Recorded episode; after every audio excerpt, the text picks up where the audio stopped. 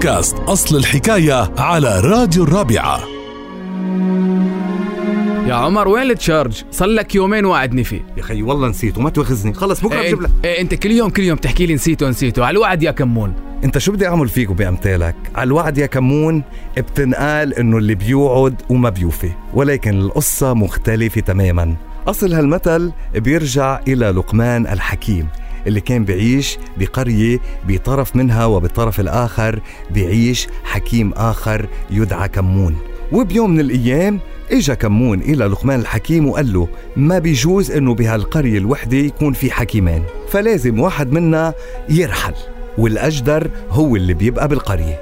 فقال له كمون رح اتحداك أمام كل الناس وكل واحد منا بيعمل سم للتاني واللي بيقدر إنه يعالج نفسه وينقذها فهو الحكيم الأجدر اللي مفروض إنه يبقى بهالقرية. وافق لقمان الحكيم على اقتراح كمون وبيوم من الأيام وباليوم المنتظر صنع كمون سم للقمان ليسقيه حضر لقمان الحكيم إلى الساحة ولكنه كان أوصى زوجته بأنه تحضر له حليب مغلي وماء مغلي أيضا. ففعلت الزوجة وانتظرت عودة لقمان. وأمام كل الناس شرب لقمان هالسم وعاد إلى المنزل ليعالج نفسه. فشرب الحليب المغلي وتقيأ السم وبعدها اتحمم بالماء المغلي. ورجع لقمان الحكيم إلى الساحة أمام كل الناس ليثبت بأنه السم اللي عمله كمون ما قدر أنه يقتله.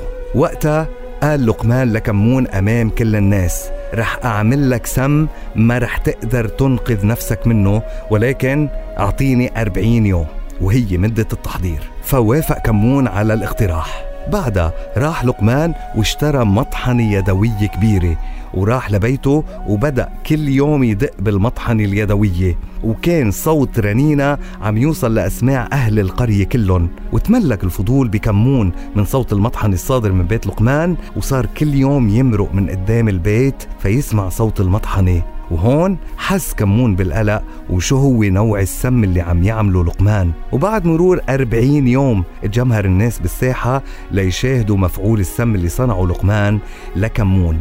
وقت اللي حضر كمون كل الناس شافته كان متعب هزيل البدن جاحظ العينين.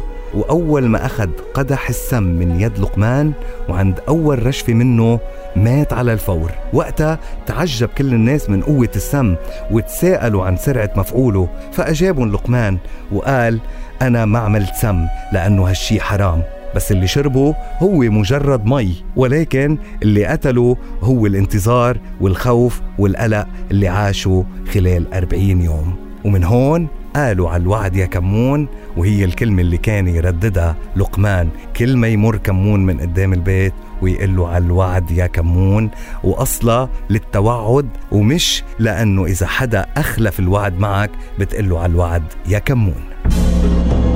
لتتعرفوا على مزيد من أصل حكايات الأمثال تابعونا على بودكاست الرابعة أصل الحكاية.